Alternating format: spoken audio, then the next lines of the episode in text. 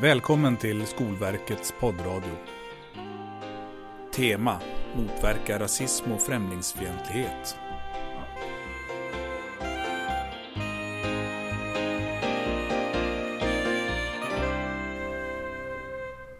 Ja, välkomna till Skolverkspodden om arbetet mot rasism och främlingsfientlighet i skolan.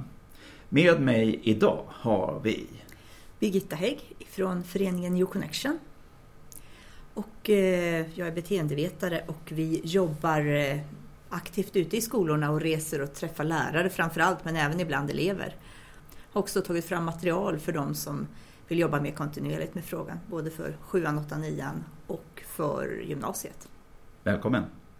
Och vi har också med oss Niklas Andersson heter jag. Ehm, jag eh, kommer från en organisation som heter Peaceworks och jag är projektledare i ett projekt som heter Låt stå antirasism på schemat. Eh, där vi har tagit fram en metod för hur högstadie och gymnasielärare kan arbeta eh, med frågor som kopplas till rasism i skolan. Och så har vi en utbildning kopplad till det, så vi är ute mycket och utbildar lärare i hur man kan jobba med vårt material. Bra, nu är också väldigt välkommen. Tack. Rasism och främlingsfientlighet är ju oförenligt med skolans värdegrund. Och eh, det som också står i läroplanerna är att uttryck av främlingsfientlighet och intolerans ska mötas med kunskap, öppen diskussion och aktiva insatser. Det vi försöker komma åt i poddarna, det är ju liksom hur gör vi det då i klassrum, korridorer och på skolgårdar? Och eh, det utgår ju också från att barn och elever har rätt till skydd mot kränkningar och diskriminering i skolan. Och att de här rättigheterna finns där för att vi vet att om man blir utsatt så eh, mår man ju inte bra och man påverkas också negativt på det sättet att man inte har samma möjligheter att lära och utvecklas förstås. Vi utgår alltid från ett konkret scenario. Idag så handlar det om skillnaden mellan invandringskritik och rasism. Och det konkreta scenariot är det här. I en diskussion i klassrummet hävdar några elever att Sverige måste minska invandringen för att de där flyktingarna kostar för mycket. Några andra elever säger emot här och hävdar också att det är faktiskt rasistiskt att säga så här. Ja, vad kan man säga om det? Eh, alltså för vår del så ligger det, ju eh, är det ett väldigt viktigt område. Dels för att många hör av sig till oss eh, och kanske det ska öppnas en, ett asylboende eller vi har någon form av liksom problem kopplat mellan invandring och rasism. Och då brukar vi säga att vi pratar helt klart om, om beröringarna men vi är också noggranna med att se på skillnaden mellan eh, rasism och invandringskritik eller flyktingfrågan så att säga rasism kan ju riktas mot någon som är född i Sverige. Bara mm. beroende på hur de ser ut. Och det är ett sånt litet bra exempel som ändå blir en liten aha-känsla. Just det, det är, kan vara, eller det är oftast skilda saker. Så det, vår ingång är ofta att, att, problematisera begreppen. Och det handlar lite om det där kunskap. Alltså vad är rasism? Hur har den uppstått? Eh, vad är en struktur? Eh, hur funkar det med normer historiskt och in i, i liksom, i, idag? Eh, för att på så vis kunna ha en förståelse för att det här kanske är två olika saker. Så det blir viktigt att ha kunskaper om eh, rasism och, och, och, olika former av rasism. Alltså kunskaper då, det blir viktigt för skolpersonal att ha det. lärare kanske i synnerhet, för att hålla den här skillnaden. För att jag hör att ni vill sätta en skillnad här. Mm. Att det, kanske inte har med varandra att göra på det sättet. Nej, alltså jag tror det är alltså, jätteviktigt med, alltså, och det är väl en klassiker och det är nästan lite klyschigt, men alltså framförallt i det här fallet att kunskap om rasismen kommer också avgöra hur du agerar i konkreta situationer i klassrummet. För att eh, en förståelse av rasism eh, så som varandes, liksom, inte samma sak som invandringskritik, gör ju en stor skillnad. Men om man tycker att de sitter ihop så, så, så, blir det också ett annat sätt. Det är samma som, vi brukar ofta hamna i diskussionen om skillnaden mellan rasism och främlingsfientlighet. Det är samma sak där, vi tror det är viktigt att hålla isär dem. Eh, för att annars så kommer man inte hitta rätt metoder. Eh, och det är ju det vi är ute efter, metoder ja. liksom. Att, eh. Hur tänker du Birgitta kring eh, rubriken här på caset, alltså skillnad invandringskritik och rasism och själva den här situationen. Vad är er upplevelse när ni är ute i skolor?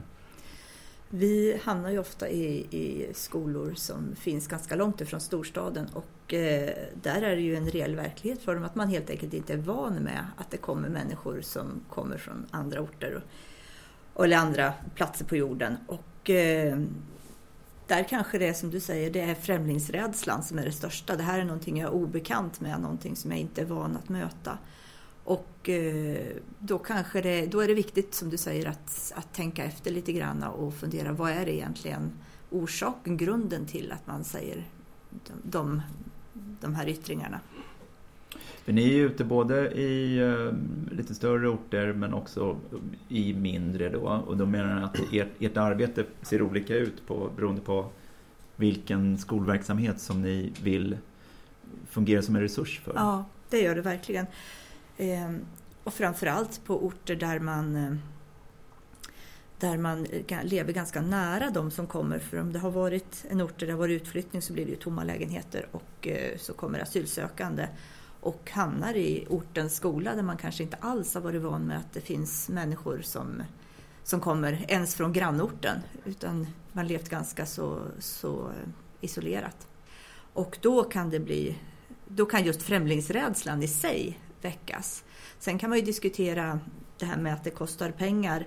Eh, det, är ju ett, eh, det kostar ju pengar att människor kommer hit och då kan man ju fundera kring om det är någonting som man får diskutera eller inte. Men skolan speglar ju samhället och samhället skolan. Så det är klart att de här diskussionerna då både när det handlar om solidaritet och stor uppslutning och asylrätt och så som vi hör på TV och diskuterar kanske i personalrum eller med vänner. Det blir också diskussioner i klassrum och korridorer. Så är det i caset det här med just läraren står inför att ja, balansera det här kring, kring att några elever uttrycker sig på det här sättet. Eh, men, och andra säger att eh, men, men hör, så där får man inte säga, det är rasistiskt. Har, har, har ni varit med om mm. sådana samtal med skolpersonal som handlar om, om just det där? Jag, jag, skulle vilja hävda att, att rasismen är så pass eh, rotad i oss så den handlar fortfarande ganska mycket om någon form av utseendemarkörer eller det som liksom traditionellt har kallats för ras. För att främlingsfientlighet blir ofta, eller blir sällan så att säga eh, applicerat på, låt säga en eh, norrman som har varit här i tre veckor. Vi hade vid ett tillfälle en diskussion där, där det var elever från Skåne, ett mm. par stycken som kom flyttande och som hade en helt annan dialekt än, eh, än den skolan där de hamnade, ganska långt ifrån.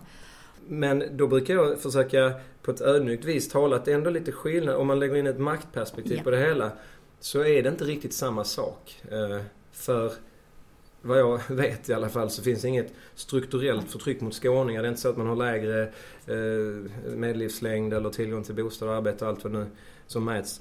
Så därför så, den, och då brukar vi tala om att den individuella upplevelsen är ju såklart likadan. Och som lärare eller pedagog, när du får höra något sånt från en elev så är det ju jätteviktigt att lyssna på det och ta in det. Men jag tror att man både kan prata om den här individuella jobbiga händelsen men ändå skilja den från ja, hur det ser ut strukturellt. Ja. Mm. Och jag tror att, att det är det viktiga, att ha båda bollarna i luften ja. samtidigt. Ibland i den här diskussionen så hör man ju även begrepp som svenskfientlig. Det gränsar ju lite till det här och din, ditt resonemang Niklas kring, kring det här med ändå maktrelationer här och majoritet och minoritetssamhälle. Mm. Men jag tror kring begreppen som vi också berörde i början här så blir det ju viktigt att personal tillsammans också får prata om olika förståelser av de här orden. Så att man bättre då, och då är det ju kunskaper om det, att man bättre då kan hantera samtalen i klassrummet. Samtal som vi också vet genom studier och forskning att man i skolan eh, tyvärr också ibland backar ifrån, att man inte riktigt eh, hanterar dem. Och det kan också bero på var någonstans i lärandemiljön som det här uppstår. Hur tänker ni kring det? För eh, olika arenor kanske har olika eh, praktiska lösningar. Jag tänker då, är det här ett samtal som har kommit upp i klassrummet som i exemplet, då kanske läraren som är ansvarig har, eh, känner en viss strategi liksom, som ska gå igång. Är det ute i korridorer och på skolgården så kanske det är någon annan. Hur tänker ni kring det med arenans betydelse för vilka strategier som skolpersonal använder i de här frågorna? Framförallt så tror jag att det är viktigt att våga ta i när något händer, att inte lägga locket på eller vifta bort det. Utan att våga ta i saken oavsett vilken arena det är. Men eh, det handlar ju också om att i en klassrumssituation så, så är ju eleverna mer utsatta. Man, eh, om man eh, tar i en fråga och, och diskuterar den så den människan som då har sagt eller yttrat detta hamnar i en väldigt utsatt position och då måste man ju också vara mer varsam. Och eh, i klassrumssituationen så kanske det räcker att man, man säger ifrån till att börja med men sen tar, tar upp samtalet senare på en mer individuell nivå. Mm. Och då, då pratar vi ju om aktiva insatser här verkligen. Ja. Men också kopplat till en öppen diskussion. Hade du någonting tanke kring, Niklas, mer det här med arenans betydelse för hur man agerar? Nej, alltså vi, vi har ju tagit fram någon form av kommunikationsstrategi som just går ut på att det finns väldigt många olika situationer, det finns olika former av rasism, de kan komma från olika håll och i olika arenor. Sen handlar det då om att ha förberett sig och diskuterat massor med olika scenarier. Det, när vi är ute och utbildar så gör vi just det. Att ta fram olika scenarier som händer i olika miljöer och olika saker som sägs. Ehm, för att liksom ha övat lite så att säga. Men att kanske grunden är ändå oavsett arena, alltså att, att agera om någon kränks. Och det är ju i linje med kapitel 6 om att eh, skolans personal har, kan man säga, en handlingsplikt. Att man, man tänker att ett barn upplever kränkande behandling, trakasserier eller diskriminering så, så ska ett arbete gå igång. Men när görs det? Det kan ju också vara, att agera eller göra en aktiv insats kan ju vara också att eh, eh hindra och inte, alltså försöka undvika så långt som möjligt att barn och elever upplever kränkande behandling. Och då tänker jag på den här öppna diskussionen. När ska den då komma till stånd, den öppna diskussionen? För att det är ju också så att barn och elever kan eh, behöva pröva sina tankar också om saker som har med flyktingfrågan och, och, politik att göra. Och de kanske vill pröva var gränserna går just i klassrummet. För att där möta motstånd eller diskussion och reflektion från, från klasskamrater men också från ansvarig pedagog. Så vad blir det där liksom att, att eh, agera, att vara aktiv i sin insats? Är det som du sa Birgitta, liksom, eh, ja, värna värdegrunden och, och sätta ner foten där men kanske liksom eh, ta upp samtalet senare? Eller är det nästan så här upp, upp, upp, så där får man inte säga? Det blir ju en, ett dilemma lite grann. Mm. Det blir en delikat uppgift att hantera.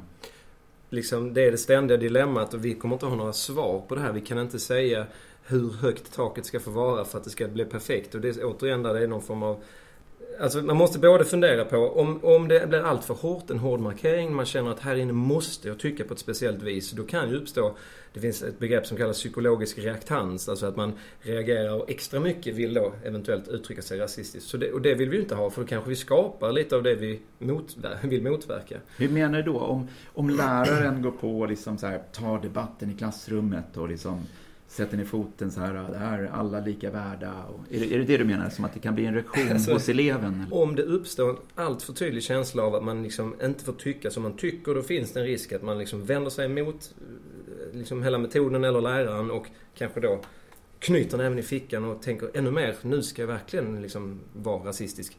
Så det är en, en process, alltså ett fenomen man måste vara medveten om. Sen tror jag inte att rasismen kommer därifrån, som vissa vill hävda om vi tar upp det här på en liksom, samhällelig nivå så är det många som menar att vissa partier de växer just på grund av det där och det är därför rasismen finns för att vi får inte säga vad vi tycker. Det tror inte jag. Men det är en faktor att räkna med i samhällelig debatt så, såväl som i klassrummet. Jag tror ju på det, det deliberativa samtalet där man eh, tillåts att, att pröva tillsammans och att kunna utgå ifrån det som sägs istället för att lägga locket på och smälla på fingrarna att kunna ta den kommentar som har lyfts och ha den som en utgångspunkt i samtalet. Och eh, när vi jobbade lokalt så, så använde vi den metoden dagligdags och fick väldigt fina samtal. För den människan som man hade framför sig, eleven, eh, kände sig ju respektfullt bemött och att någon tog dens åsikter och upplevda verklighet och tankar och verklighetsuppfattning på allvar och kunna utgå ifrån det och tillsammans titta på Stämmer det? Är, är faktan som du framför, stämmer den? Vad är källorna? Finns det fler sätt, fler perspektiv? Eh, kan, vad blir det för konsekvenser om vi gör som du säger? Om vi, om vi drar det här till sin spets, vad händer? Eh, om vi, som i, i caset här, om eh, man skulle säga nej och stopp till alla flyktingar och inte ta in några fler, hur skulle konsekvenserna bli på, för Sverige? Hur skulle det bli för Europa? Hur skulle det bli i flyktinglägren? Och att tillsammans på ett respektfullt sätt fundera kring, eh, kring frågan som har lyfts. Och det gör ju att man vidgar perspektiven för eleven, både den som har sagt det och i klassrummet och kan få ett, ett fint samtal tillsammans utan att någon behöver tappa ansiktet. För det som du säger, det blir risk för en reaktans annars. Rådet blir då, som jag hör, är att skapa genom deliberation eller en dialog, pedagogisk liksom, strategi, eh, skapa ett tillitsfullt klimat där man känner att sina åsikter, man får pröva de här värdena. Men samtidigt värna eh, värdegrunden och jobba med kapitel 6 om kränkande behandling. Och då måste man ju någonstans också påtala om det kommer ett uttalande där man eh, misstänker att någon kanske upplever en kränkande behandling, att det kan, det kan upplevas så.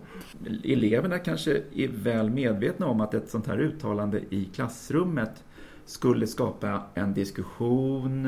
Eh, den här läraren som är bra på att liksom värna skolans värdegrund skulle göra det här på ett respektfullt sätt men liksom det blir en, en argumentation och så undviker eleverna kanske att dryfta de här åsikterna i klassrummet. Men på skolgården och i korridoren så florerar de. Och på nätet. Och på nätet.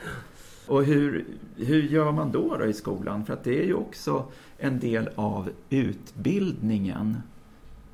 Det gäller ju all personal, hela skoldagen, inom ramen för utbildningen, hela arenan, skolan då, inte bara klassrummet. Jag tror att det är viktigt också att ha med all kringpersonal när man har fortbildningsdagar mm. i de här frågorna. Så att alla drar åt samma håll. För det visar även forskning att, eh, att det är en framgångsfaktor. Och vår erfarenhet är också att det är en framgångsfaktor. För eh, om eh, måltid, skolmåltidspersonal, vaktmästare, de som rör sig i områden där kanske inte alltid lärarna finns med närvarande. Att de också reagerar på samma sätt för elever är ju inte dumma. Om det är vissa lärare som, som är väldigt aktiva i frågan och sen finns det personal på skolan som tolererar att saker och ting händer och man inte reagerar. Då blir det dubbla budskap vilket säger till eleverna att egentligen är inte det här så viktigt. Så jag tror att det är viktigt att även ta med den personalen i de här diskussionerna, i samtalen. Det är frågor som spelar in på många olika sätt i skolans verklighet. Men skulle ni säga då att det här uttrycket som vi har i caset idag, Sverige måste minska invandringen för de här flyktingarna kostar för mycket, säger en elev. Jag tror att rasismen är någonting som görs, det är någonting som finns väldigt subtilt i vår vardag, i små ord som liksom som, som inte själv är medveten om. Och därmed inte sagt att någon är rasist. Det är liksom inte det som är poängen utan att förstå att vissa uttalanden liksom kan läsas in i en rasistisk logik som har många år på nacken. Där man gör skillnad på människor beroende på var de kommer ifrån, hur de ser ut. Vilket då tenderar att liksom rikta udden mot vissa grupper mer än mot andra grupper. Jag tror också att det finns en risk i att rasiststämpla alla, alla uttalanden i den här vägen. För att eh, det finns ju också, kan ju också finnas ett ärligt uppsåt där man har en väldigt, väldigt human människosyn och verkligen vill att människor ska komma men har en reell oro för resursbrist eh, och en, en eh, uppgivenhet inför den lokala situationen. Så där kan ju vi möta sådana här yttranden men där människor helt enkelt har en ekonomisk tanke kring det och en resurstanke kring det.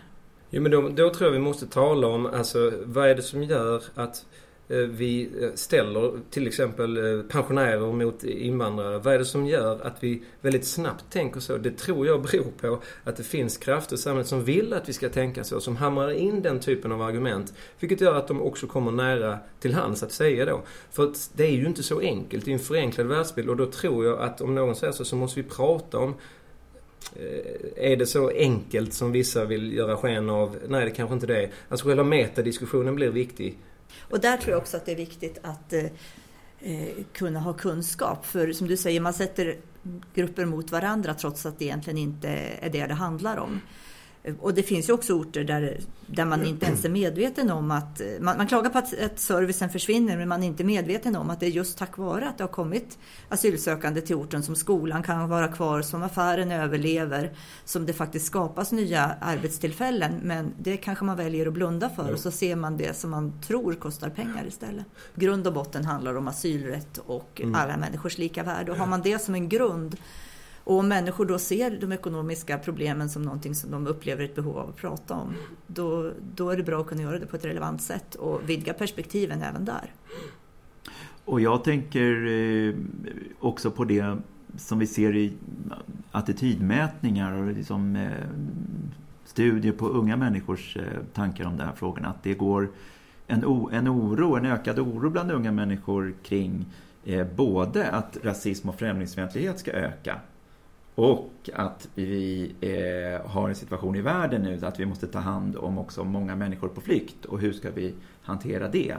Det kan gå hand i hand. Det kan mm. vara samma elever som, som bär på bägge de delarna. Så att det är komplext, det spiller över och är en uppgift för skolan att hantera. Inom ramen för arbetet mot rasism och främlingsfientlighet i skolan. Utifrån kunskap, öppen diskussion och aktiva insatser. Tack ska ni ha för ett spännande samtal. Tack så mycket. Tack. Tack för att du har lyssnat. På skolverket.se finns förklaringar till centrala begrepp som används i avsnittet. Samtalet leddes av Hugo Wester, undervisningsråd på Skolverket. Inspelningsår 2015.